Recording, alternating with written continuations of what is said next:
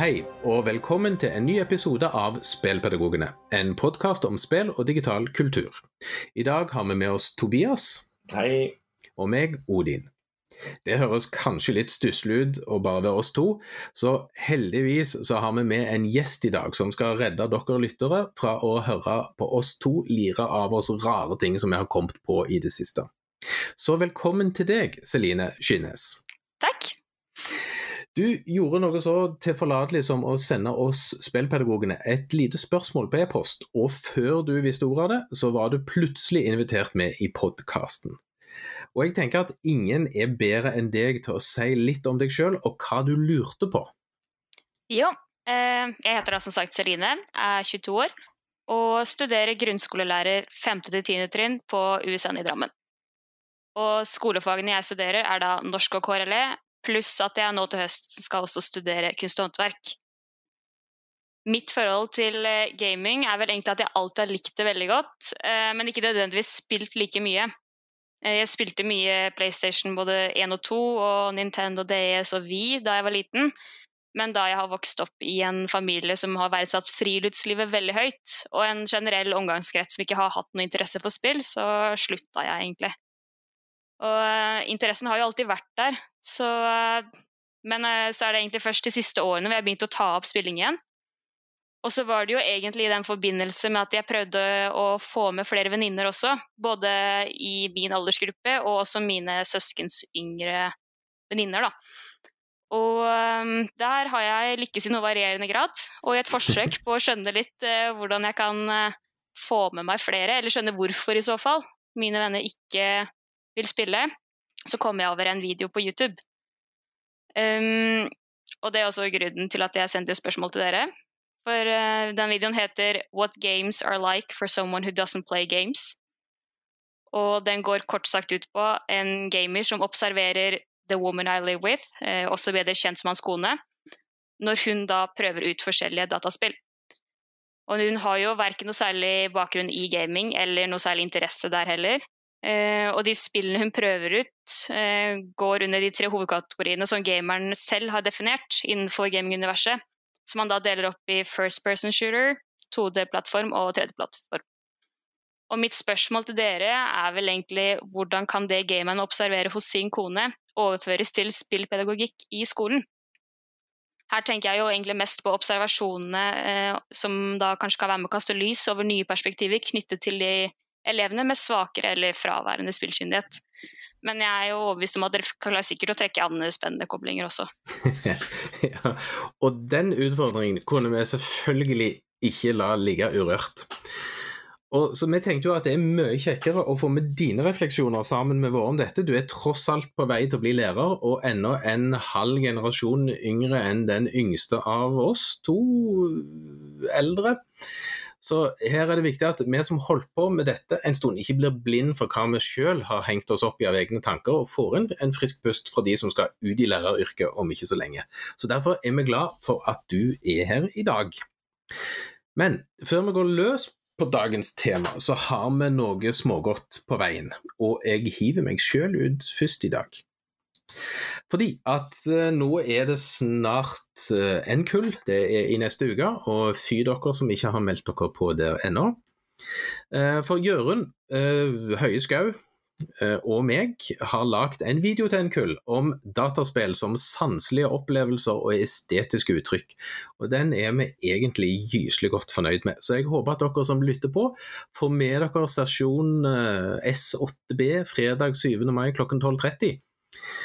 Og så har jo i tillegg til det, for det er det jeg har stort sett holdt på med det siste, å lage ferdig manus og video og litt sånne ting som Jørgen og meg har samarbeidet om. Eh, men du Tobias, du har plagt meg med en hel rekke artikler om dataspillundervisning som har vært en fornøyelse å lese, og som jeg tror nok blir egne episoder litt sånn framover. Mm. Vi, kan mm. avsløre såpass at en av de artiklene blir vel tema for neste episode. Ja, det gjør han, men vi skal holde det hemmelig, så må ja. dere leve i spenning til neste episode, for den, den blir bra, den òg. Ja, da lurer jeg litt på, Odin. Eh, kunne du fortalt kanskje kort eh, hva denne videoen går ut på? For den virker veldig interessant, og det er vel egentlig kanskje noe jeg også kan ta med meg videre til eh, høsten, når jeg skal studere, studere kunst og håndverk. Og kanskje da om jeg skal se om det er noe jeg kan bruke da i dataspill innenfor det faget. Oh, spennende, ja. Når jeg hørte at du hadde lyst til det, egentlig at du kobler inn kunst og håndverk og dataspill, så synes jeg, da er jo jeg på hjemmebane sånn for egen del som kunstutdanna uh, lærer i utgangspunktet. Uh, og til de som ikke har fått med seg det i podkasten, så er jeg da altså utdanna uh, sanger Eh, fra Musikkonservatoriet i Rogaland i hine hårde dager. Så det er alltid et lite sånn der med kunstfagene som jeg eh, liker godt. Og det er jo delvis det som gjorde at uh, Jørund og meg har lagt den, en kullsesjon om dataspill som sanselige opplevelser og estetiske uttrykk, fordi vi tenker at vi kan kanskje lett henge oss opp i at dataspill må, i undervisning må være kobla til kompetansemål. Mm. Og så har jeg lenge hatt en sånn opplevelsen som, eh, en, eg, som, som en didaktisk egenverdi. Eh, og at spill er unike i den måten at de kan gi litt andre opplevelser enn en del andre kulturuttrykk kan tilby. Og at denne opplevelsen må vi kunne bruke i undervisning. Uh, og, og, da har vi jo en, en, rekke spill som vi kommer til å snakke om, som vi syns trekker fram dette bedre enn andre spill, og at vi må våge oss inn i spill fra et litt annet perspektiv enn å bare tenke hva kompetansemål skal dette spillet være med å løse, men heller si her er det spill som kan gi noen sykt spennende opplevelser, fordi de har noe med seg som gir disse opplevelsene, og dog som ofte er knytta til estetisk uttrykk i dem. Mm. Og, og, da bruke det i kunst og håndverk er jo kjempespennende, fra, fra et dobbeltperspektiv. Både fra det perspektivet å si at du kan gå inn i selve kulturopplevelsen et, eh, og, og, ta utgangspunkt i den opplevelsen spillet skaper, fra et estetisk ståsted, men òg ta det faglige perspektivet fra kunst og håndverk og se på hva slags måte bruker dataspill eh, altså kunstfaglige grep for å formidle det som et dataspill eventuelt har lyst til å formidle. Så, så det er liksom to ulike vinkler som en kan hive inn i dette, som jeg syns høres mm. kjempespennende ut. Dere, snakker dere om i den grad spill muliggjør spilleren sine liksom, kunstneriske utfoldelser og sånne ting? Altså ting, spill man lager ting i? Nei, Nei. I, i veldig liten grad. Uh, vi, vi, vi, har bare 20 minutter på oss, ja, det var det. Så, vi, så, vi, valgte en mer en sånn opplevelse som didaktisk grep. Kan, uh, kan jeg, jeg, jeg skyte inn noe akkurat, angående akkurat det her med sanselige opplevelser? Jeg er så glad i det der ordet 'sanselig'. Forstand, fordi at jeg, jeg, jeg, lurer på om ikke innenfor liksom, gaming og sånn, at man har en tendens til å legge veldig mye fokus på den delen av spillinga som handler om å trykke på knapper. Og mm. ikke så mye den delen av spillopplevelsen som, som berører rest, altså det ikke-taktile, men resten av sansene. Det å se og høre osv. Og, og både du og jeg Odin, har, har jo, er jo veldig glad i Journey. Du har kanskje spilt det øse, Line? Nei, det har jeg ikke, dessverre. Det er, sånn, eh, det er et uh, spill på PlayStation der du Det er et spill uten tekst, der hele handlinga foregår gjennom liksom, musikk, først og fremst, og visuelle metaforer, og egentlig et spill som er lagd for å være litt sånn, hva skal vi si, tvetydig. Men så er det så enormt flott. Uh, spesielt ja. hvis du spiller det, spiller det i uh, Jeg spilte i auditoriet på skolen min, f.eks. Og selv om bare én av elevene kan spille avganger, så er alle andre i høyeste grad med på opplevelsen. Mm. De, at det liksom Jo, jo, det er kjekt å gå og spille det, men det er nesten like kjekt å se på. Ja, og det, og, det har jeg tenkt av og til, men dessverre så tar vi faktisk ikke det opp i videoen. Dette med uh, det at når du skal ha sånne opplevelser, så må du egentlig ha et relativt godt bilde. Mm. Altså type storskjerm og ikke en sånn halvsløv prosjektor. Uh, og litt gode høyttalere, som er ofte undervurdert. Altså at du kan gi mye og god lyd. Mm. Uh, og vi har vel av og til også tenkt at vi skulle kanskje hatt en egen episode om, om den taktile tilbakemeldingen som, som spill etter hvert kan begynne å gi. For det å bare holde PlayStation-kontrolleren når du spiller Journey, er jo en egen opplevelse i seg sjøl, faktisk. Ja, det høres jo kjempeinteressant ut. Mm. Ja, altså, Det er en anbefaling til deg, Celine. Uh, spill Journey. Det er verdt hundrelappen. Ja, den skal jeg laste ned. Mm. Og til alle også, andre også må, som Og så må du sende en liten e-post til oss etterpå om du begynte å grine eller ikke. Ja, det skal jeg gjøre. um, Ja, men Ja. du Tobias, hva har du holdt på med? Jeg eh, har i dag sittet og lagd siste hånd på verket til ei forelesning jeg skal ha for lærerstudenter ved Høgskolen i Volda, som jeg er kjempegira over. Det er, jeg har holdt noen eh, innlegg for eh, lærerstudenter før. Det har stort sett vært i forbindelse med, fa med sånn IKT-temadag som Universitetet i Bergen har hver september, sånn cirka. Um, men dette er den første gangen jeg holder en ordinær forelesning for studenter. Det er jeg kjempegira over.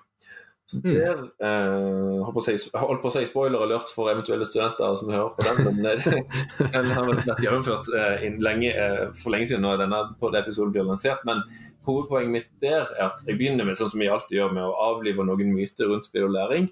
Um, og så går jeg frem, skal jeg snakke litt om didaktiske design med dataspill. At um, spill brukes, og det er jo litt det er noe avhandlinga mi har har begynt å handle om, er at hvordan man kan didaktisere med dataspill. Didaktisering er mitt nye yndlingsord. Mm. Det hadde jeg egentlig snakket om litt sånn off camera, holdt jeg på å si, Odin. Um, men det å didaktisere er altså den prosessen når du eh, tilgjengeliggjør stoffet for elevene. Altså Både når du planlegger timene dine, og når du gjennomfører timene dine, så er det de grepene du tar, og de aktivitetene og presentasjonene og alt det du gjør, forbereder for å få elevene til å forstå og, og hjelpe dem å ta del i kunnskapen og bruke kunnskapen. Og det er det, og ganske ofte så det, Når vi snakker om spill og læring, så er det egentlig det vi snakker om. Eh, at vi bruker spill som et verktøy for å didaktisere. Det er ikke alltid det vi gjør. for at andre ganger så er det spillet som er objektet vi skal prøve å forstå bedre. Vi bruker ikke spillet for å forstå noe annet bedre. Mm.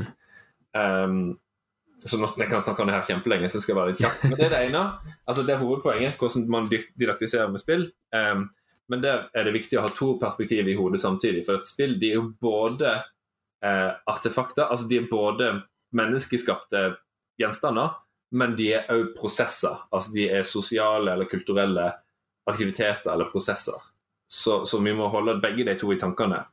Men så tenker jeg at dette må dere gjerne utfordre meg på, for dette er ikke helt gjennomtenkt. Men jeg tenker at når du planlegger undervisninga, så er det nyttigst å ha dette her en artefakt, eller å, å medgi gjenstandperspektivet i hodet. Mens når du tar spillet inn i timene dine, så er det prosessperspektivet som er det mest aktuelle. Vi må ha begge de to tankene i hodet på en gang, men i planlegging så er artefaktperspektivet mest relevant, og i undervisninga så er det um, prosessperspektivet som er mest relevant. Hvis det gir mening, eller er det bare meg det gir mening for? Nei, men nå er vi jo Da da kan vi spørre Celine, ga det mening? Du, du har faktisk ja. lest boka vår òg. Ja, jeg er godt i gang. Nesten Ja. ferdig. Eh, Det gir mening uten at eh, du må spørre meg mer ut om eh, hvorfor det gir mening. ja, det, du, det, det skal være lov. Det var all anerkjennelsen jeg eh, trengte. Ja. er litt interessant. Det er det jo. Nei, men jeg, men jeg, jeg skjønner jo òg det, og samtidig så er det jo det bare for å trekke fram det som Jørund og meg skal for så vidt si neste uke. Uh, det er jo litt det i spenningsfeltet med på en måte planlegge i hæl kontra og å, å ha opplevelsen av, av spillet som en opplevelse. Men selvfølgelig, det òg er jo en del av planleggingen. Mm. Eller det er jo når du faktisk gjør opplevelsen som er nokså uberegnelig, og det er vel òg litt tema for neste podkast, når vi begynner med å reklamere for den, med at, at eh, noen ganger så må en akseptere at det er vanskelig å planlegge for alt som kan skje i undervisning når du bruker et dataspill. Og så må Ja. du prøve å ramme det inn så godt som mulig, mm. men med et veldig åpent felt. Spesielt hvis du tar utgangspunkt i at eh, du skal kunne snakke om hvordan elevene har opplevd et spill. For du har ingen garanti for hva de har opplevd. Det er helt sant. Ja. Men så da, Celine, du er jo òg her. Kan vi utfordre deg til en eller annen liten godbit i forhold til spill i undervisning, eller noe i den retning som du har lyst til å dele med oss? Uh, ja, uh, litt i siste liten, men jeg kan jo fortelle litt om spillet jeg spiller nå for tida. Uh, og det er da Horizon Zero Dawn. Eh, og den tror jeg kanskje kan ha noe altså Apropos estetikk, eh, jeg tror det kan ha potensial til å bli brukt innenfor kunst- og håndverksfaget. Uh, kort fortalt så er Horizon Zero Dawn et open world game. Det tar sted i en post-postapokalyptisk eh, verden, ca. år 3000. Og så er det da dyreimiterende maskiner som streifer jorda, og menneskene er da ikke lenger den dominerende arten.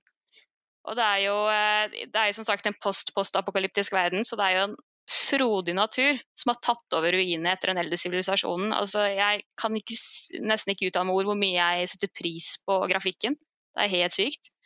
Eh, og så Menneskene som lever der nå, de er jo nesten tilbake til årtusen. For de lever jo som dels primitiv jeger sankerkulturen. Og så følger man da hovedpersonen Aloy, som har da vært en utstøtt fra sin stamme siden hun var født.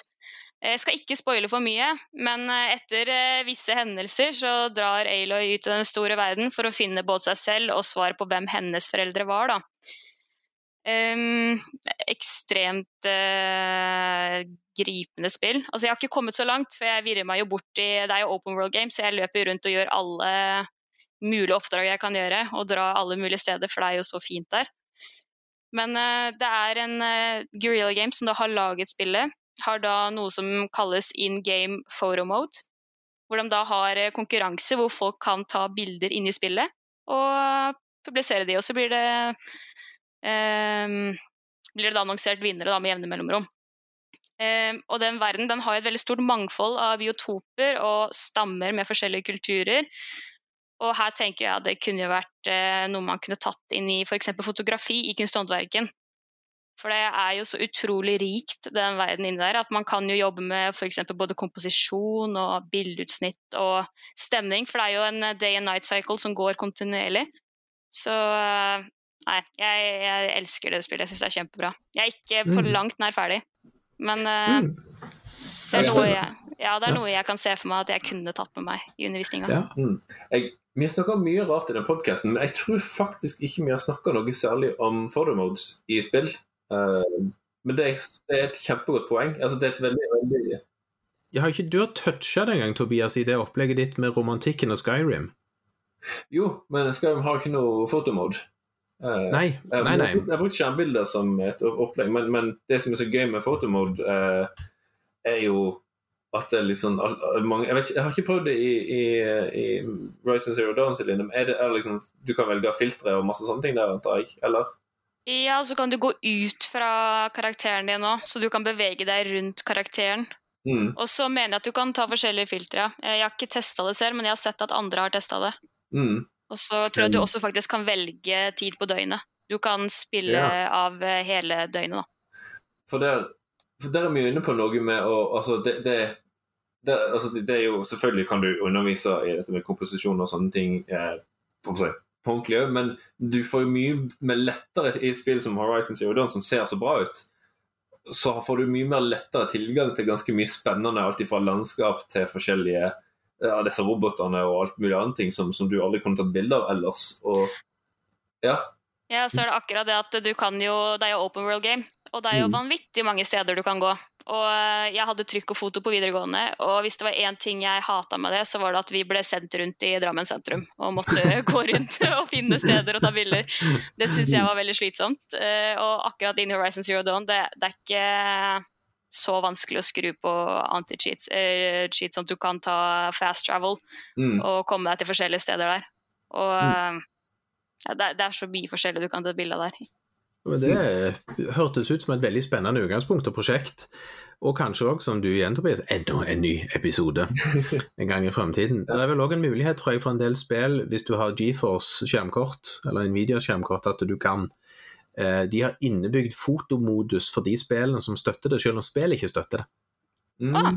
Ja, at det ligger, i, det ligger i driveren til skjermkortet. At hvis uh, spillet støtter det i forhold til skjermkortet, så kan rett og slett skjermkortet eller denne GeForce Experience, som er et Mm. eget program, ta over kontrollen, og så kan du gå og lage fotomodus inne i spillverdenen eh, ut fra selve rett og slett grafikkdriveren.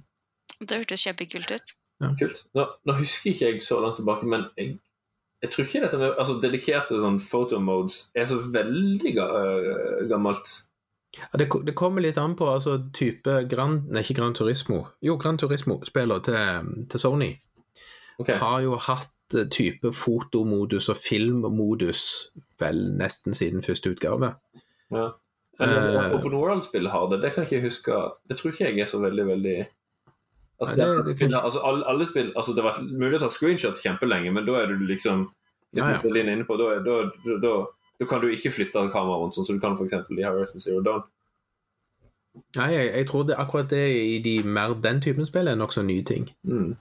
Må, må bare òg hive ut helt sånn på tampen før vi fortsetter. Er ikke det uh, Horizon Zero gratis nå? Jeg tror det ble gitt ut gratis av Sony. Uh, jo, jeg kjøpte det, og så to uker senere så eh, var det gratis. Ja, ja.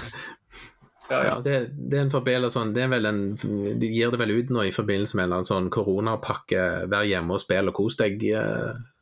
Mm. Eh, ja, det var noe sånt som Ja. PlayStation premium-funksjon. Mm. som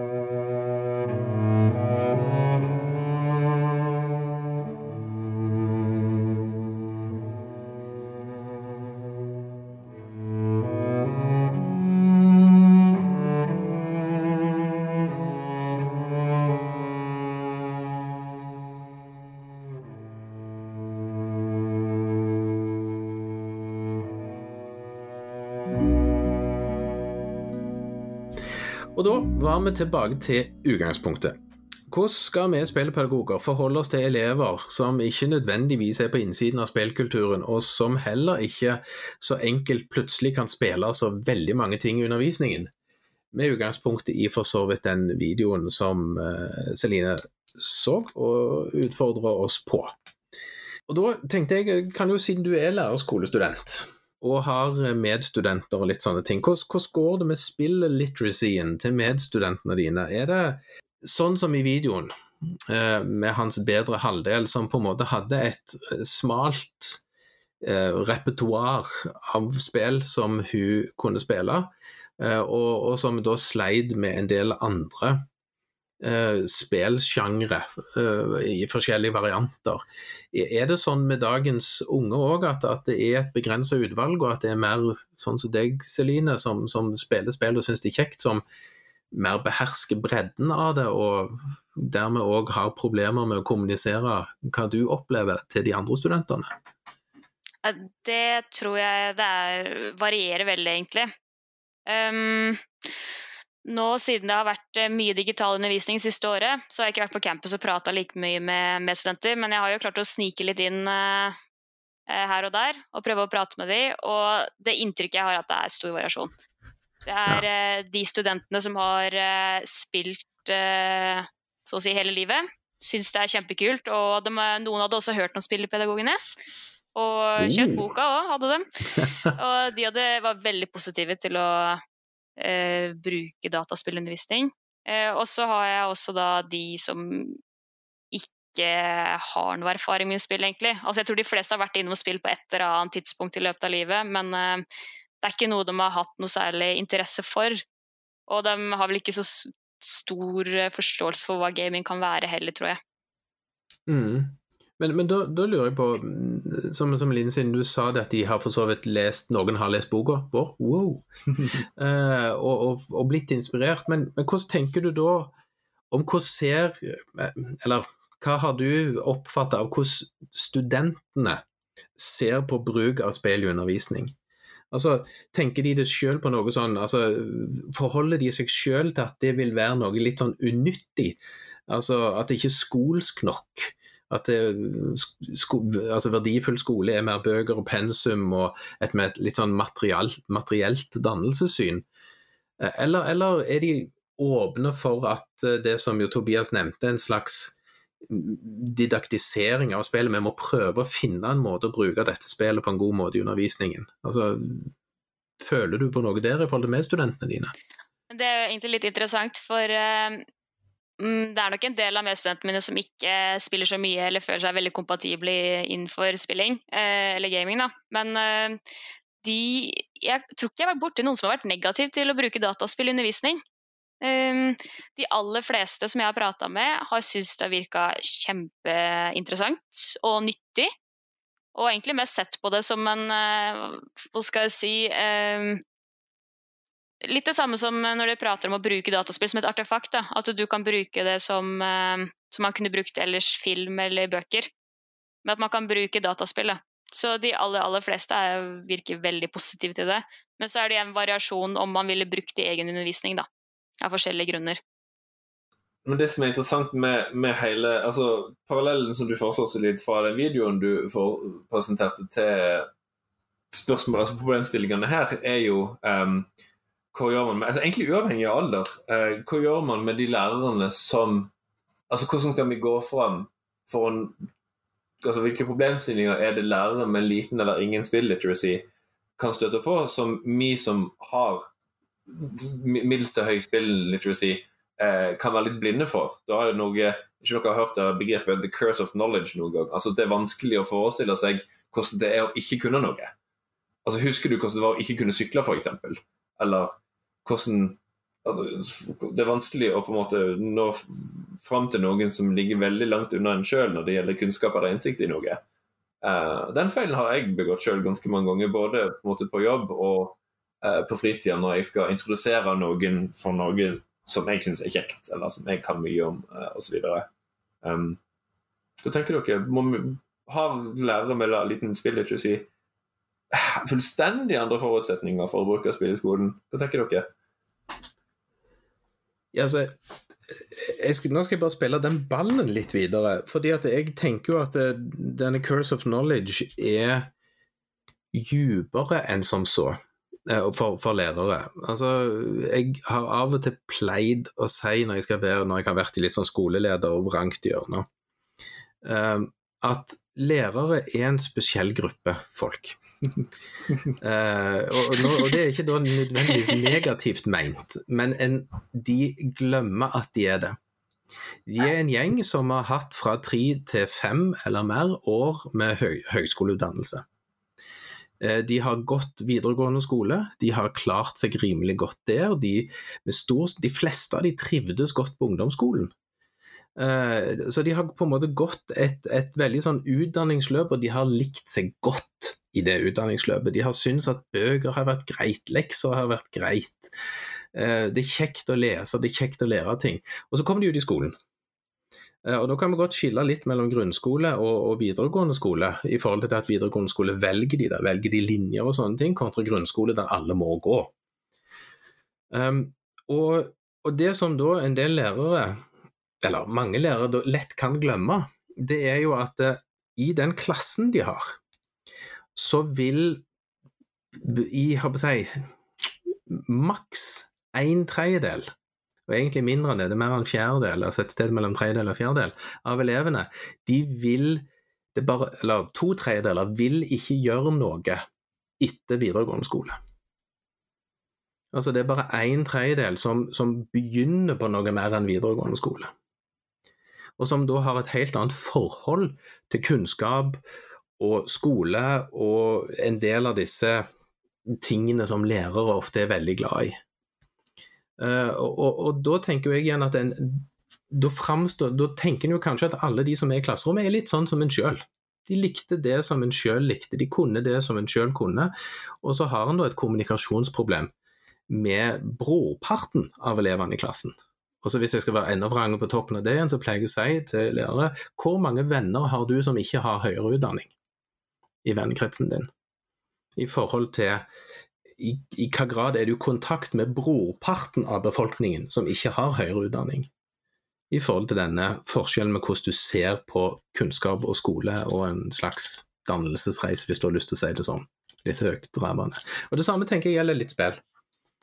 At, eh, som, som, du sier, Tobias, at hvis du ikke har gjort den reisen så, og, og er vant med spill, så er det veldig vanskelig å forstå det. Men så tenker jeg at jeg tror allikevel de fleste av oss som holder på med spill, skjønner det. Fordi vi er en liten engekrets. Vi skjønner at vi er, mindre, vi er et mindretall òg på en arbeidsplass på en skole. Uh, mens ellers alle ansatte på en skole de har den samme utdanningen, de er relativt like i et sånn sosioøkonomisk perspektiv. Mens da vi som på toppen av alt liker spill, vi skiller oss ut fra den gjengen og skjønner dermed at vi er mindretallet, vi er de som er annerledes, og at de andre ikke nødvendigvis kommer til å forstå oss. Det var en litt sånn long take på, på, på det du sa. Så, så, jeg tenker jo at det, eh, jeg tror de fleste av oss som holder på med det, er klar over det. Selv om vi òg er fullt i stand til å bomme på hva vi ikke er klar over. Ja. Bare for å spole tilbake igjen til, til det du sa innledningsvis, Eline, om, om, det å altså, gå inn i en samtale om spill og, og presentere spill Altså Vi bygger videre på det Odin sier nå. På hvilken måte er det liksom aktuelt for de, de situasjonene du fortalte om helt innledningsvis, tenker du?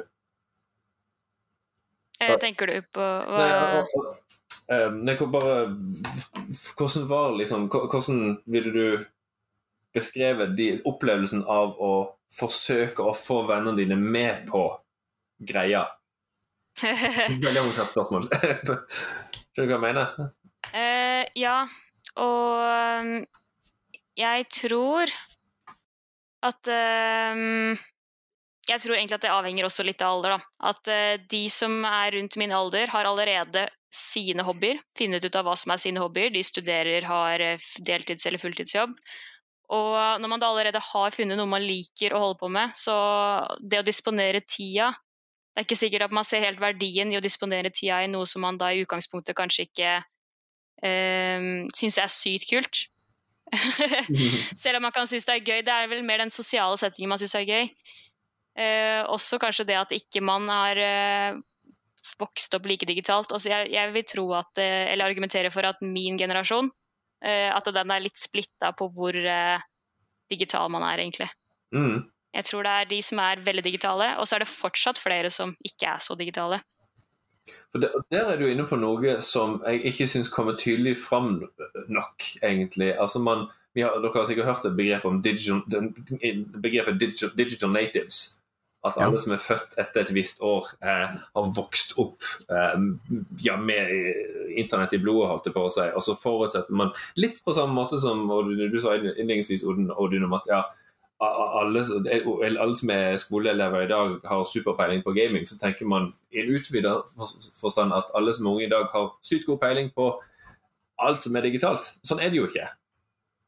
Um, sånn er det på. Uh, uh, og det, det, altså det, det, du er inne på, er jo Det gjelder jo òg de som vi skal undervise. Mm. Um, jeg, jeg tror, hvis, hvis, du tar det litt over på studentene, da, mm. eh, så tror jeg at eh, mye også har å si kanskje for egentlig utdanninga, for, eh, for å kritisere utdanninga mi litt. Eh, jeg tror at eh, hvis man som student hadde blitt introdusert til hvordan man kan bruke gaming i eller dataspill, da, i undervisning, og lært verdien av det, så tror jeg det hadde vært mye lavere terskel for å bruke det selv. Mm. Fordi det er, jo, det er jo som å lære ganske mye annet også. Det Er, man må kunne noen grunnleggende prinsipper for å skjønne hva det går ut på. Og så går jo de prinsipp, prinsippene noe igjen i forskjellige spill. Eh, det er jo forskjellige typer spill, men det er jo noe grunnleggende. Og når du først har de, de grunnleggende prinsippene på eh, plass og har den grunnleggende forståelsen, så klarer du å tenke deg til å jobbe med eh, jobbe med å bruke det videre, da. Mm. Jeg tror Hvis du får det, de verktøyene i utdanninga, hvis jeg hadde hatt flere forelesere som hadde undervist om det, så tror jeg at det hadde vært mye enklere. Mm, ja, du, ja, du, du, du, tror at, at medstudentene dine hadde jeg, blitt mer åpne for det og tenkt at dette kunne vært noe? Ja, fleste, ja hvis det hadde vært mer fokus på utdanninga. Og det har det jo starta å bli også, eh, så smått. Eh, vi har hatt fagdager med Eller profesjonsdager da med Lær kidsa koding. Og da har vi jo lært eh, Da har vi hatt eh, om hvordan bruke Minecraft educational mode i skolen. Oh. det er jo noe. Men uh, jeg, skulle, jeg, savner litt mer det mangfoldet innenfor dataspill. Da. For jeg, jeg, var, jeg må si eh, Jeg hører jo på, på det at du ikke er superbegeistra for det, men, uh, mm. men, men kan jeg vil bare plukke opp litt videre akkurat det der, for du um, Er det en mulig Du, du sier, Celine, at for da jeg tok lektorutdanninga på UiB, så var det nesten ingenting om noe som helst digitale verktøy i skolen.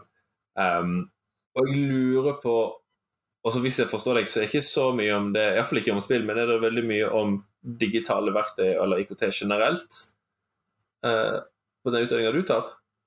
Eh, akkurat eh, noe, vil jeg si.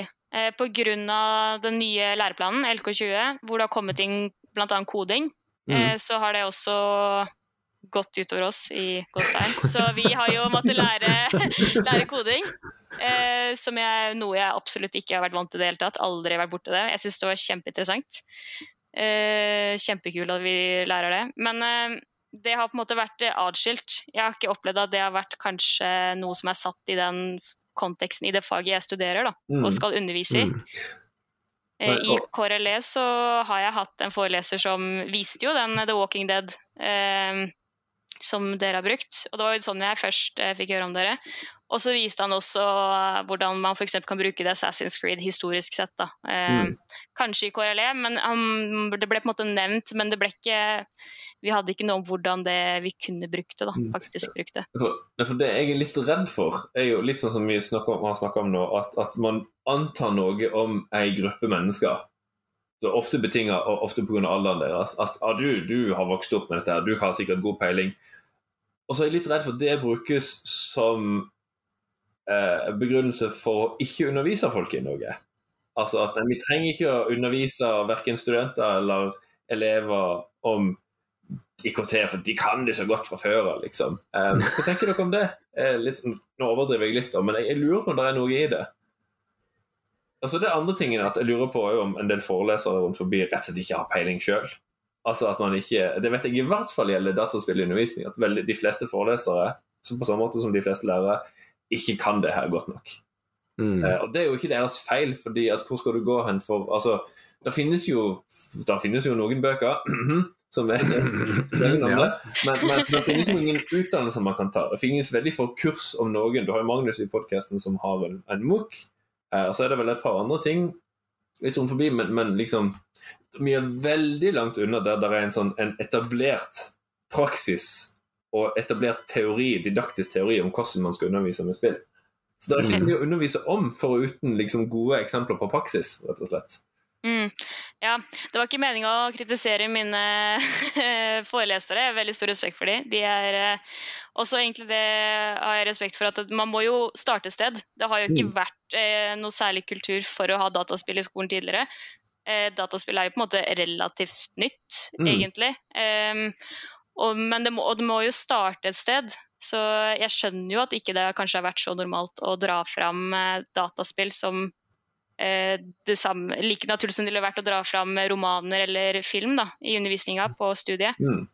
Men eh, Nei, det, nei, selvfølgelig, det har du helt rett i. Og, og det er jo ikke altså, det er ikke foreleserne sin feil i hermetegn. I den grad man skal dele ut feil, det skal man jo ikke gjøre. Uh, fordi at det er ikke så uh, ja, liksom, det, det er så nytt. Det er ikke så mye å ta av, rett og slett.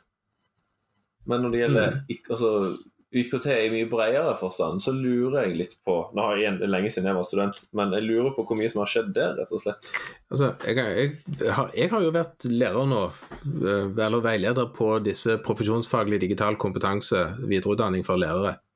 Mm. Eh, Så, så det skjer jo noe, og, og institusjonene er jo begynt å bli klar over at det er noe som heter digitale ting. Eh, Eller digital teknologi som sådan. Eh, Og, og noen har jo i den forbindelse òg tatt inn dataspill. Mm. Så, så det skal de ha. Men eh, hvis jeg skal være helt ærlig, så føler jeg jo at mange av de tingene som skjer i UH-sektoren, er litt hjelpeløst. Altså for, fordi de tar veldig utgangspunkt i sin egen hverdag og sine egne verktøy og måten de sjøl bruker de på. Og så blir det um, ikke, det, det, blir ikke helt den, den på en måte korrekte måten å å bruke disse verktøyene på. Og nå skal jeg si flere ting. Jeg, jeg sliter òg med det der begrepet 'digital natives', uh, som du nevnte, Tobias.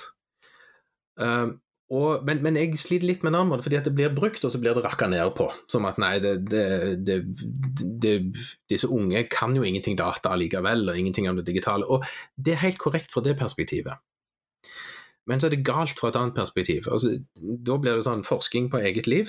Uh, junior i huset forholder seg jo til det digitale på en måte som jeg ikke gjør. Simpelthen fordi han er vokst opp i det. Uh, og, og, det betyr at det, og det er ikke knyttet til at han nødvendigvis kan dette så veldig mye bedre. Jeg kan det digitale veldig mye bedre enn han, men han har helt andre forventninger og forståelse om hvordan verden ser ut. Altså, han vet knapt nok hva en CD er. Altså, hva er musikk for han? Jo, musikk er Spotify. Og, og mer den at musikk er noe du får tak i på nett. Det er YouTube, Spotify, andre kanaler der du får tak i ting. Og han forventer at musikk er tilgjengelig på en helt annen måte enn jeg er vokst opp med. Jeg har da en annen forhold til at jeg vet hvordan det er i dag, men jeg vet også hvordan det var forrige gang, og jeg kan snakke om forskjell. Men han vokste opp med en helt, annen en helt annen forventning, tror jeg er et bedre ord, enn forståelse. For, for, han kan ikke dette bedre, men han forventer andre ting enn det jeg nødvendigvis forventer. Uh, og, og, da tenker jeg også i forhold til det digitale, det at de har hevet seg over på den kodingbiten, det mener jo jeg er et feilslag i forhold til å kalle det digitalt. Jeg mener, men nå skal jeg, det, det kan jeg ha en egen podkast om, som ikke med dataspill i skolen gjør, men jeg mener koding er feilslått som aktivitet i skolen. Jeg har skrevet blogginnlegg om det òg på IKT og skole, fordi jeg irriterte meg sånn over det. Det, det er fullstendig unødvendig. Trenger ikke lære elevene å kode. Det syns jeg er interessant. mm, det er helt unødvendig. Hva, hva sa du, Celine? Nei, jeg kan si mine egne opplevelser med koding. Altså, jeg har kun hatt det på, eh, på, universitetet. Og jeg vil si at jeg er en relativt lite løsningsorientert person av natur. Eh, på, på, noen områder, da. Og etter at vi brukte koding, så begynte jeg å tenke på en litt annen måte. Sikkert, eh, det sikkert henger også med at vi har mye om metakognisjon, og det å bare være bevisst over egen læring. Men jeg har blitt veldig mye flinkere til å feilsøke en god del ting etter vi starta med koding. Kan nok, man kan nok oppnå den eh, egenskapen på andre måter enn koding, men eh, det har egentlig vært det som har gjort at jeg har blitt mye mye flinkere og mer bevisst over hvordan jeg kan feilsøke noe. Hvis jeg mm. trenger mer informasjon om noe, hvis jeg står fast. Eh, sånne ting, da. Ja, og, den, den, er jeg helt med på, men det har ingenting med det digitale å gjøre. Ikke nødvendigvis, nei. Det er helt sant. Men, jeg syns fortsatt det er et godt poeng, akkurat det der. fordi at, altså Det er et eksempel på for med mekinkake litt. Grann. Det, er jo altså, jo et eksempel på at du kan bruke noe som koding for å Om du vil didaktisere et annet innhold, altså lære, kost, lære folk hvordan man andre måter å tenke på, f.eks. Med feilsøking, som du er inne på, Celine. Altså, altså, det, at, at koding Metafor blir kanskje feil ord, men at man bruker det som eksempel for at altså, sånn, sånn, som du tenker her, det kan du tenke på på andre måter òg, liksom. Eller andre sammenhenger òg. Så der er det jo et godt poeng.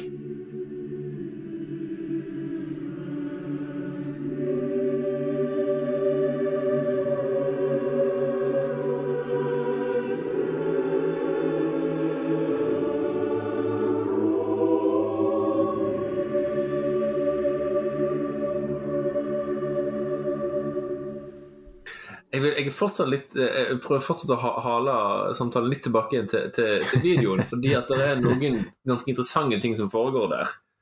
Uh, apropos det her med feilsøking. Um, fordi at kona til han her fyren kan vi jo si at mangler feilsøkingsstrategier når det gjelder akkurat det her med, med spilling. At, at, for det jeg syns var noe av det mest interessante der, var at um, Det er et eksempel for når hun spiller Shovel Night og blir truffet av en fiende samtidig som blir truffet av en av disse flygende pengesekkene i det spillet. For dere som ikke har spilt det, Shovel Knight er et nytt, noe nytt plattformspill lagd for å se ut som en sånn gammeldags retro-pixel-plattformspill. liksom. Men hun blir iallfall truffet av en fiende og en sånn pengesekk samtidig, og da tror hun at begge deler kan skade henne. Så hun unngår pengesekkene. De skal du jo egentlig samle, samle på. Um, det syns jeg var utrolig interessant. At, at spillerne lærte henne feil ting, rett og slett. Apropos mm. spill i skolen. Um, tror dere det er et konsept vi burde snakke litt mer om? Altså uh, jeg, vi, vi, møter jo stadig vekk på folk som har enormt stor tillit til hvor spill kan lære folk. Uh, og jeg er iallfall en av de som er litt mer sånn Ja, gitt en viss um, spillkyndighet, kanskje, så kan det lære deg noe. For da har du kommet over den kneika der du, du mestrer spillet godt nok, sånn at du kan bruke det spillet til å forstå deg på andre ting eller lære andre ting. Mitt yndlingseksempel fra egen verden var jeg, en periode jeg spilte veldig mye Fifa. Samtidig som jeg begynte å spille innebandy med, med kollegaer på jobb. Så opptok jeg meg sjøl i å tenke posisjonering på banen når jeg spilte innebandy, på samme måte som jeg tenkte i Fifa. de to er så like.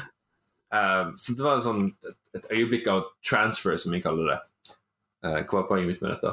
Jo, uh, men, men, men tror dere spill literacy er med å påvirke hva du eventuelt kan lære eh, fra et spill som du ikke ville korrelert ellers? Er det fare for at eh, man i en undervisningstime eller annet ting lærer feil av spill? Eller under hvilke omstendigheter tenker dere at det, liksom, spill kan lære deg feil ting?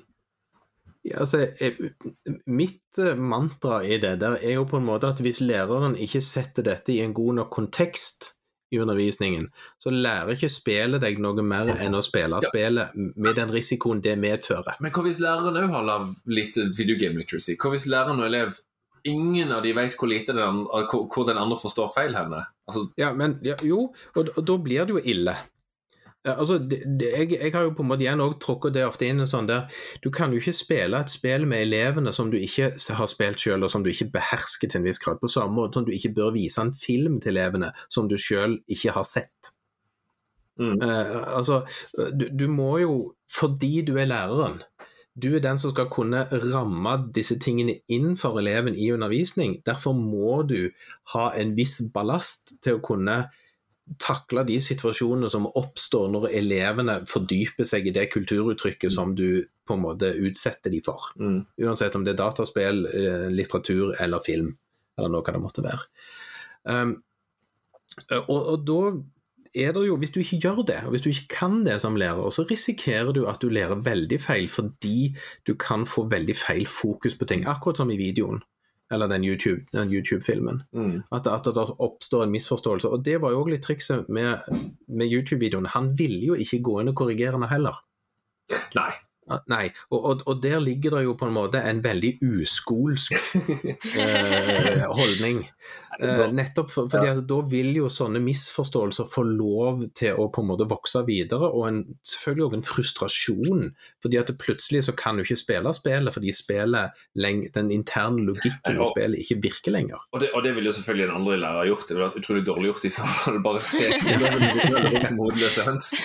Ja, ja men, men, men, det et, men, det er et veldig viktig poeng, for jeg tror at mye av det som er veldig viktig, og som jeg tror vi kommer til å snakke mer om i en senere podkast, om ikke tar helt feil, det er jo litt at nesten uansett hva du gjør i en undervisningssituasjon, så er det læreren sin jobb å sette en fot i bakken på vegne av elevene, og la elevene få lov til å reflektere over hva er det vi har gjort nå for, for, å få det inn igjen i den konteksten som forhåpentligvis er målet for timen. Mm. For, for, Hvis ikke så, så, så, blir det helt tilfeldig hva elevene sitter igjen med, om det blir riktig eller galt. Mm.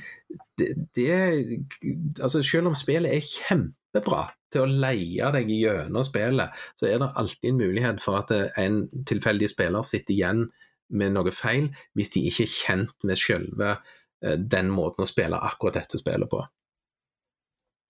Ja. Jeg ble litt nysgjerrig på det du sa i stad, Celine, om, om, da dere ble vist eksempler uh, i, i, under studiene. Altså, kan du fortelle litt mer om omstendighetene da? Um, oi, skal vi se om jeg husker det, da. Uh, når uh, The Walking Dead var vi jo i var jo når vi hadde om etikk. Og så mm. hadde vi om tre av de etiske teoriene, som også da er i den videoen. Så da viste vel foreleser den eh, videoen, hvis ikke jeg tar feil, så prata vi litt om eh, de didaktiske mulighetene rundt å bruke det spillet, og så var det litt sånn dette er sykt kult siden det er dataspill. og så jeg som spurte litt eh, mer ut av det, og tvang læreren til å, eller foreleseren til å prate litt mer om det. Og så tror jeg vi gikk videre. Jeg prøvde vel å få læreren til å prate, foreleseren til å prate mer om det, men jeg tror ikke det var på en måte målet at vi skulle utforske det mer enn det at han viste at dette er en mulighet. Men husker du hva, hva, husker du hva samtalen dreide seg om, altså mulighetene i spillet? Eller opplevde du at de, de medstudentene dine var på samme sted som du var? Ikke nødvendigvis, nei. Eh, jeg fikk jo eh, helt overtenning, syntes det var kjempekult. Og ville jo prate om det i pause etterpå. Mm.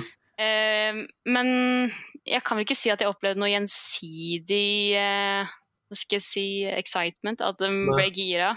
Jeg syns at det var helt genialt, eh, men eh, Nei, jeg vet ikke helt, jeg. Ja. Men, men, da tenker jeg det er vel òg litt fordi at du var jo da igjen kommet inn i en på en måte spillkultur eh, som gjorde at du på en måte kjente dette igjen, mens for å oppnå vel for sånn en god effekt hos dine medstudenter, som du for så vidt sa, da, så, jo, så hadde det fungert bedre om at forelesere istedenfor bare å vise en video om dette, faktisk hadde spilt The Walking Dead med dere. Ja, det var jo det jeg hadde Jeg, jeg tror jeg spurte om skal vi spille der.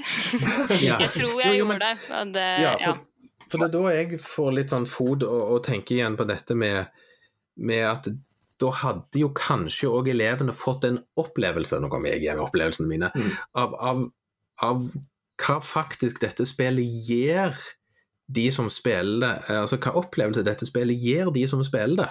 Mm. Og at den opplevelsen er òg det som vil inspirere de som lærere til å ta dette i bruk i undervisningen. Fordi de selv har en positiv opplevelse til det læreren utsatte de for. At de, de ser nytten med det på en annen måte enn å bare se en film der de lenger da ikke har den indre referansen som du skjønner at ja, dette kunne vært stilig i undervisningen. Ja. I foreleserens forsvar så tror jeg også han sa at han kom akkurat over det. Så han hadde Mm. akkurat eh, slang det med. Jeg sikkert et håp på at vi skulle utforske det mer på egen hånd, og det gjorde jeg jo. Ja. eh, For all del. Så kjære foreleser til Celine, hvis du hører på dette, ta utfordringen og uh, våg deg ut på Tobias sitt uh, undervisningsforslag til The Walking Dead, eh, som du vel kanskje finner på spillpedagog, spillpedagogbanken.no. Men, men kudos, kudos eh, for å ha ja, som du sa, Celine, nettopp ramla over noe og bare heve det med i huet Ja. for, at, Ja. for å vise det fram. Det skal forelesere ha. Det det er gøy. Ja. Um, men jeg, ja, nei, jeg, jeg, jeg er kjempenysgjerrig på Her vet jeg jo ikke. Jeg er kjempenysgjerrig på hvor avgjørende tidligere spillerfaringer er for at en lærer, uavhengig av alder eller bakgrunn, tenker åhåhå, altså får den her overtenninga. Fordi at jeg har jo Jeg tror både du og jeg Odin, har sett denne her og jeg, jeg synes for det første overtenning er helt rett ord. Det er fullstendig korrekt. ja. Um, og jeg har sett lignende hos godt voksne folk, folk mye eldre enn meg, sitte og jubler i et hjørne på et seminarrom på Enkel på NTNU Mm. og sier mm. jeg har drept fire millioner' når jeg spiller Plague Incorporated. ja. Altså, og jeg har sett folk spille Jeg husker ikke om det var This War of Mine eller om det var et eller annet, men jeg har hørt folk si 'Å, dette her kan jeg bruke samfunnsfag på denne måten'. Altså, folk som utgangspunktet ikke i hvert fall ikke er hardcore gamere og kanskje ikke har spilt så mye, men det er et eller annet den aha-opplevelsen. Mm. Eh, det var derfor den aha-opplevelsen jeg fikk eh, Nå er det vel sommer for, eh, tidlig sommer for ni år siden. Da jeg først fikk den ideen og bare raska med meg laptopen min og løp til skolen omtrent og sa til eleven min nå skal vi gjøre noe fett noe. Um, Jo, jo, men jeg, jeg, det, det er noe med den aha-opplevelsen som, som du ikke kan tvinge fram, dessverre. Du kan kanskje Nei, men den, men du kan ikke tvinge den fram. Jeg, jeg tror den er helt riktig, og det er jo som du sier, det er jo også min erfaring fra de kursene jeg holder. At det, der kommer det lærere litt sånn fra A til Å, noen som har spilt spill og har det som en, som en referanseramme, og noen som ikke har det. Og, og du kan like lett risikere at de som ikke har det, får fot. Mm. Eller overtenning, alt det hva ord- uttrykk vi vil bruke. Og, og på en måte ser vi en gang ja, dette kan jeg bruke, men jeg har ikke skjønt at dette fins. Jeg har Mm. ikke vært klar over at dette lå her. Jeg har, ikke, jeg har trodd at dataspill var Fortnite. Ingen har vist meg Gone Home. Ingen har vist meg Plague Inc. Ingen har liksom vist meg disse spillene, og så kommer de i en setting der de òg har denne doble opplevelsen. På en måte en, de, de, de blir grepen av opplevelsen i spillet. Eh, uans, altså litt av hva det spillet har som, som ramme, og samtidig så blir de òg grepen av den pedagogiske liksom, grunnideen som slår til ah, dette kan jeg bruke i min undervisning. Mm. Uh, og vi, vi skal jo ikke si det du, Vi skrev vel det litt sånn i notatene med at al- alder er bare a state of mind eller et eller annet. Ehm, eh, og så sa jeg det at ja, når du begynner å bruke lesebriller, så begynner du før eller senere å skjønne at kroppen er ikke helt med på den tanken. uh, men, men poenget er likevel, tror jeg, at det, det er en slags lekenhet, for å bruke et litt sånn billig uttrykk, Ja. som uh, er- ikke skader hvis du er lærer. Til å på en måte kunne være åpen for at dette har jeg aldri vært borti før, men jeg tror at dette er noe jeg kan ta med meg i undervisning. Jeg har lyst til å prøve det ut, jeg har lyst til å lære meg dette, eh, og, og ta sjansen på noe nytt jeg ikke har gjort før. Og, og det, det er nok mer en state of mind som er viktig eh, å på en måte kanskje øve opp både studenter og lærere, og, og selvfølgelig elever sånn generelt, i at Det ligger vel i det nye kompetansebegrepet. eh, Kjente og ukjente situasjoner. Eh, Til å, til å tenne de litt, men da må de vises det. Og da må de vises det av noen som jo er litt tent på det sjøl. Mm. Ja. Og jeg tror nå, det er, Har du litt spillkyndighet innabords, så tipper jeg sjansen er større for at du, at du blir gira over At du får gode ideer som du er gira over å teste ut. Ja, jeg kan, Men det er jeg ikke kan ta, nødvendig. Nei, jeg kan ta et eksempel. Det, nå begynner det å bli mange år siden, så det er vel mer sånn type når Celine gikk på ungdomsskolen. Eh, at jeg prøvde limbo for første gang i en klasse jeg hadde. Og limbo, til de som ikke har spilt det, de, må, de bør spille det, er et for så vidt plattformspill. Men med en veldig sånn dyster stemning, og det er nokså pent å se på i en sånn svart-hvitt gråtone. Og så er det både makabert og veldig spesielt og vakkert på en gang. Eh, og Det handler jo da om at du er en gutt som skal springe og vel egentlig prøve å finne søstera di. Det er vel et litt sånn åpent spørsmål om det er egentlig det du skal, men det er iallfall det en til syn alle sier at spillet handler om. Eh, Og da er det jo for så vidt enkelt. Ja, du må, i hvert fall på en PC så må du styre litt med taster og hoppe og dra ting uh, i 2D. Og det er stort sett det du gjør. Og så hadde jeg lagd et opplegg i KRLE der jeg knytta dette til historien i det, der du må, denne gutten som du spiller, dør nokså makabert mange ganger. eh, Og gutten må sjøl òg oppføre seg rimelig stygt mot en edderkopp som eh, du kommer til å ha et forhold til eh, når du har spilt dette spillet, for edderkoppen har jo lyst til å drepe deg. Det prøver han iherdig på, men du dreper den til slutt, må man kunne si. Og, og så har jeg lagd det bare for så en enkel ramme. Det var mer sånn jeg har lyst til å prøve ut dette spillet i undervisning, var mer egentlig grunntanken min. Men så var det, det mer spennende det var at det, det viste seg at dette var en spilltype de fleste elever ikke kjente til. 2D-plattformer, liksom. Ja, OK. Uh, sånn at det, og det kan jo kanskje hende at noen kjente 2D-plattformer fra type uh, spillkonsoll, men med en kontroller. For med en gang de da satt på PC-en sin i klasserommet med tastatur, så feila veldig mange stygt i forhold til liksom hva skal jeg gjøre nå? Og så er det ikke helt, det er ikke Mario eh, i, i måten du, du spiller dette på. sånn at det, det var liksom en annen måte å tenke på. Så Da var det veldig forskjell med at noen elever tok dette kjapt og syntes det var et kjempespill, mens andre elever skjønte ikke poenget med spillet og syntes det var et kjedelig spill. Mm. Og, og de, eh, de delte seg for så vidt litt interessant i forhold til det som sånn litt sånn klassisk Dette er noen år siden, så jeg òg har lært litt mer siden den gang. I forhold til du kan kalle det altså de elevene som var relativt faglig flinke i en ungdomsskolesetting, de fikk overtenning på spillet. Det gjorde òg de som var faglig relativt svake, mens denne midtgruppa Mm. av elever, som liksom alltid ligger og vager mellom tre og fire, de syntes stort sett var et kjedelig spill. Mm. Eh, og, og den snakket vi litt om etterpå i klassen. Liksom, ja, hva var det som gjorde det kjekt? Hva var det som liksom, du kjente igjen? Hva var det som gjorde at det var kjedelig? Hva, eh, hva var det som var poenget med spillet? Hvorfor tror dere at jeg tok det fram? Skjønte dere oppgaven? og så videre og så Men, men da viste det seg at det var bare litt sånn interesse. Men, men det var nokså tydelige liksom, skiller i hva, hvem som interesserte seg for hva oppi dette. Mm. Så, så, så det er jo òg igjen noe som gjorde at jeg etterpå prøver å unngå kompliserte grensesnitt. Nå var jo dette et fryktelig enkelt grensesnitt, men, men hvis du skal inn og få et spill hos, som alle elever skal være med på, som krever opplæring i hvordan du spiller spillet, Mm. så må en liksom ta høyde for det, og planlegge det inn som en del av undervisningsopplegget. Ja. er Fordi de syntes det var kjedelig for de ikke klarte å mestre eh, ja, spillmekanikkene. Det, det var det vi endte opp med, at jeg tror de fleste av de som syntes det var kjedelig sunt, de ga opp. Mm. For det, det var litt fiklete med å unngå å bli drept av noen bjørnefeller og litt sånne ting. Og istedenfor å prøve og feile, prøve og feile, prøve og feile, så bare Nei, gidder ikke. Det. Og det sier jo han, han i den videoen eh, Han som viste dere, han, han sier jo det at eh, kona sa at jeg, jeg, trodde, jeg, spill skulle, jeg trodde spill skulle være kulere. For det var så mye hun ja. ikke kunne gjøre. Mm.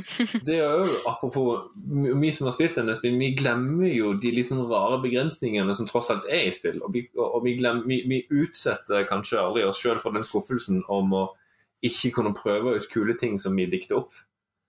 Mm. Um, Man blir litt vant til å spille spillet på de premissene, eller de begrensningene spillene har, og man tenker ikke så mye mer over det. Når du aksepterer Mm. det, liksom. Ja. At nå skal jeg være han dusten som introduserer enda, mer, enda flere begreper nå når vi egentlig går mot slutten av podkasten. Men det vi snakker om nå, det er jo det vi kaller, kan kalle operasjonell literacy. Altså det å faktisk trykke på knappene og få til tingen. Og, og, og Mm. vite hvilke ting du ikke kan få til, fordi at spillet er ikke laget sånn. Eller noe sånt. Um, men det ser jo mange lærere uh, får elevene sine til å spille. Vi er jo veldig fan av dette, det vi kaller helklassespilling. Altså en kopi av spillet på storskjerm i klasserommet, ferdig. Um, så der, der bruker jo altså Det er jo en Ikke leveling the playing field, så å si, men det er jo en måte å få liksom At elevene kan, Vi har snakket om før at elevene kan få sin liksom, kulturelle og sin literacy, som vanligvis er utenom skolen, blir plutselig til en ressurs i klasserommet. Det skal vi ikke kimse av, tenker jeg. Um, men jeg har lyst til å spørre helt til slutt, nå går vi mot slutten, men jeg, jeg, siden jeg nå snart skal holde foredrag for uh, studentene dine, um, hva er det du skulle ønske dere hadde mer om uh, i ditt studieprogram når det gjelder spill i skolen? Hva er det, hva er det du hadde syntes var kjekkest å, å få ha? Um, jeg skulle ønske at vi kunne ha Altså Nå har jo dybdelæring kommet inn, da, og tverrfaglighet, så jeg skulle ønske vi kunne ha et skikkelig sånn tverrfaglig uh, og dybdelæring uh, i et dataspill, egentlig. Et arbeidskrav hvor du kan jobbe skikkelig og sette oss skikkelig inn i det. Og Mm. da jobbe med hvordan det F.eks. multimodale samspillet i et spill. da Mm. dataspill. Hvordan man kan utnytte mest mulig ut av et spill. Og så selvfølgelig også gå mer inn på eh, affordansen innenfor de forskjellige eh, modalitetene. Da. Mm. Jeg tror eh, man kunne fått en mer grunnleggende forståelse for hva er det spill kan, hva kan det by på, og hva, hvor er det kanskje det kommer til kort. Mm. Og spesielt det du sier nå med å, å faktisk prøve ut ting sjøl, eh, tror jeg er helt sentralt hvis man skal få noe ut av det eh, i et studieforløp. Um, og ja, men hva skal vi si? Jeg tror nøkkelordet er liksom, litt sånn som du sier, er nettopp å utforske, altså, utforske mer tverrfaglig, rett og slett. Spesielt på den type studie, altså på de forskjellige lærerutdanningene. Det er jo litt sånn drømmescenario. Men hvis flere forelesere kunne gått sammen med, i et eller annet prosjekt med studentene, f.eks. Uh, det blir både effektivt, se for, meg er både effektivt og interessant, og kanskje sprer arbeidsbyrden litt. Grann, og blant bare forelesere og studenter. Jeg vet ikke. Jo. For den må jo begynne å skje. Altså, på, et, på et eller annet sted så må man igjen, ikke for å disse noen, men på et eller annet tid så må man slutte å vise artikler og vise folk videoer og faktisk prøve ut ting. Jeg likte det du skulle si. Det må begynne å skje noe. Det var det du hadde tenkt å si nå. Ja, og Det er fryktelig lett for meg å si, som sitter her på min, min, min oppe i mitt ph.d.-elfenbeinstårn liksom, og, og kritiserer et helt forskningsfelt, praksis- og forskningsfelt, men det er noe med det å, å, å walk the walk og ikke bare talk the talk. Jo, men, men jeg syns det er egentlig en sånn noenlunde fin avrunding på denne eh, praten vi har hatt nå. Mm. Eh, Som er jo egentlig kanskje litt svaret på, på spørsmålet i forhold til, til videoen, som jo rett og slett er hvordan får vi flere av både medstudentene til Celine og lærere og elever til, å- til å bli tryggere på spill, og dermed også hvordan bruke spill i undervisning. Og det handler vel egentlig om få prøvd. Få satt det ut i praksis, både i utdanningen på, på, i skole og i lærerutdanning på dette. Utfordring til både deg Celine, og til alle andre eh, eh, lærerstudenter rundt om i landet. Ta med et spill. Vis. Mm. Så jeg har en idé. Nå skal dere se. Ja, men jeg tror det kan være en, en fin utfordring til Celine nå for podkasten eh, er slutt. Den må jeg tenke mer på, ja. Ja. Det er litt sånn tongue in cheek, men det er noe med at, at liksom, jeg har en idé til hvordan det her skal gjøres. Altså, det er jo en måte å på en måte Ja, altså det, det, Vi mennesker lærer jo av hverandre, og, og de med ja, for dagens, dagens eh, nøkkelord, literacy eller kyndighet, de med høy spillkyndighet kan jo være en veldig veldig verdifull ressurs i enhver undervisningssammenheng, tenker jeg. Det gjelder ikke bare elever i grunn, grunnskolen og videregående, men det gjelder også studenter. Ja. Ja. Men det må, det, og det må jo også sies at det er jo, det er jo sånn vi som er i spillpedagogene starta. Vi, vi, vi syns det hørtes ut som en god idé, og så tok vi med noe i timen. Og så prøvde vi det ut. Mm. Og, og, og det er jo litt sånn ildsjeler starter. Mm. Ja. Og Mm, jeg leter allerede etter smutthull i arbeidskravene mine, om det er Jeg kan jobbe meg rundt eh, oppgavebeskrivelsen og få inn dataspill. Eh, ja, det starta med det, jeg skal fortsette med det. Så får vi se om jeg klarer å få det inn. Det er gjennom smutt, Smutthull er spillenes første vei, vei inn i skolen. Ja. Ja. Det er så. Det er så. Så det var veldig hyggelig å ha deg med her, Celine. Og vi håper at det ikke var veldig avskremmende. eh, Så vi, og vi ønsker deg da lykke til videre på eh, lærerskolestudiet ditt. Og så håper vi at vi møter deg igjen som en fullblods spillpedagog som har fått omvendt hele lærerutdanningen og arbeidsplassene der du ender opp. Takk for at jeg fikk komme. Dette var kjempeinteressant. Eh, Kjempegøy å være med på. Så bra. Det var bra. Og med det så eh, avslutter vi herfra, og så håper vi at dere som har lytta til, òg har syntes det har vært en hyggelig episode.